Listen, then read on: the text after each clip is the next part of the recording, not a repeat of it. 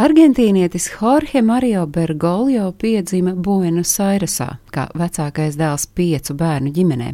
Viņa tēvs, Mario Jose, itāļu izcelsmes imigrants, bijis dzelzceļa darbinieks, bet mamma, kuras vecāki arī nākuši no Itālijas, no Ziemeļitālijas, bijusi mājasaimniece.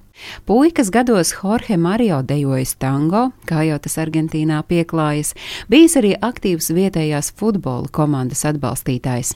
Pašam nākamajam pāvestam gan ar to futbola spēlēšanu bijis tā, kā bijis. Netālu no mājām bija futbola laukums, kur puikas situši kājas bumbu, un lai arī viņš nesot bijis tas izcilākais futbolists, tas viņu no aizrautīgas spēles nav atturējis.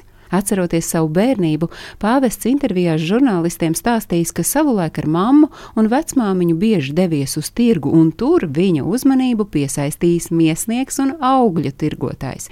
Kad viņam četru gadu vecumā mamma prasījusi, par ko viņš vēlas kļūt, kad izaugs, Jorge Mario atbildējis: Miesnieks. Par miesnieku gan nekļuva. Viņa ceļš aizveda ķīmijas studijās, un Jorge Mario ieguvis grādu ķīmijas inženierijā, bet 21 gadu vecumā saslimis ar pneimoniju, kas lika viņam zaudēt vienu plaušu. Pēc plaušu operācijas Jorge Mario pieņēmis lēmumu kardināli mainīt dzīvi, lemjot sekot priesterības aicinājumam un pievērsies kalpošanai. Šādu lēmumu Jorge Mario pieņēmis pēc grēksūdzes svētā Mateja svētkos 1953. gadā, kad viņš jauns puisis būdams sajutis aicinājumu doties priesterībā. Pēc šī notikuma viņš iestājās Villa Devoto garīgajā seminārā un pilnībā veltījis sevi dievam un baznīcai. 1958. gadā devies uz Čīli, kur iestājies Jēzuītu ordenī, pabeidzis humanitāro zinātņu studijas, bet pēc tam atgriežoties Buenos Aireso, ieguvis grādu filozofijā. Strādājis arī kā psiholoģijas pasniedzējs augstskolās, bet pagājušā gadsimta 60. gados ieguva grādu teoloģijā.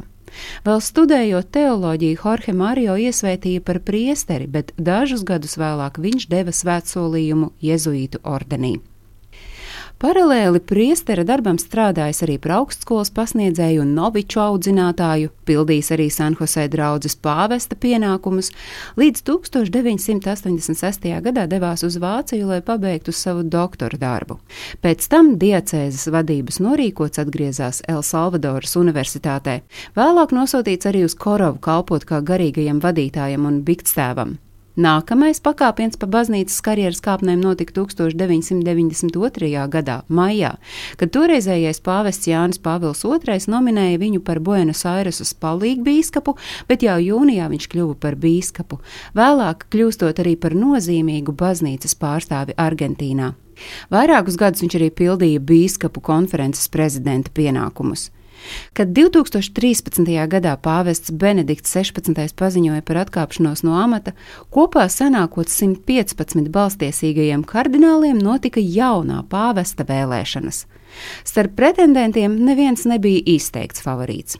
Plašsaziņas līdzekļi par saviem favorītiem bija izvirzījuši Milānas kardinālu Angelo Skolu, kā arī kardinālu no ASV Timotiju Dolanu un kanādiešu kardinālu Marku Uellē, kā arī Starp pretendentiem tika minēts brazīlietis, kardināls Odils Šērers.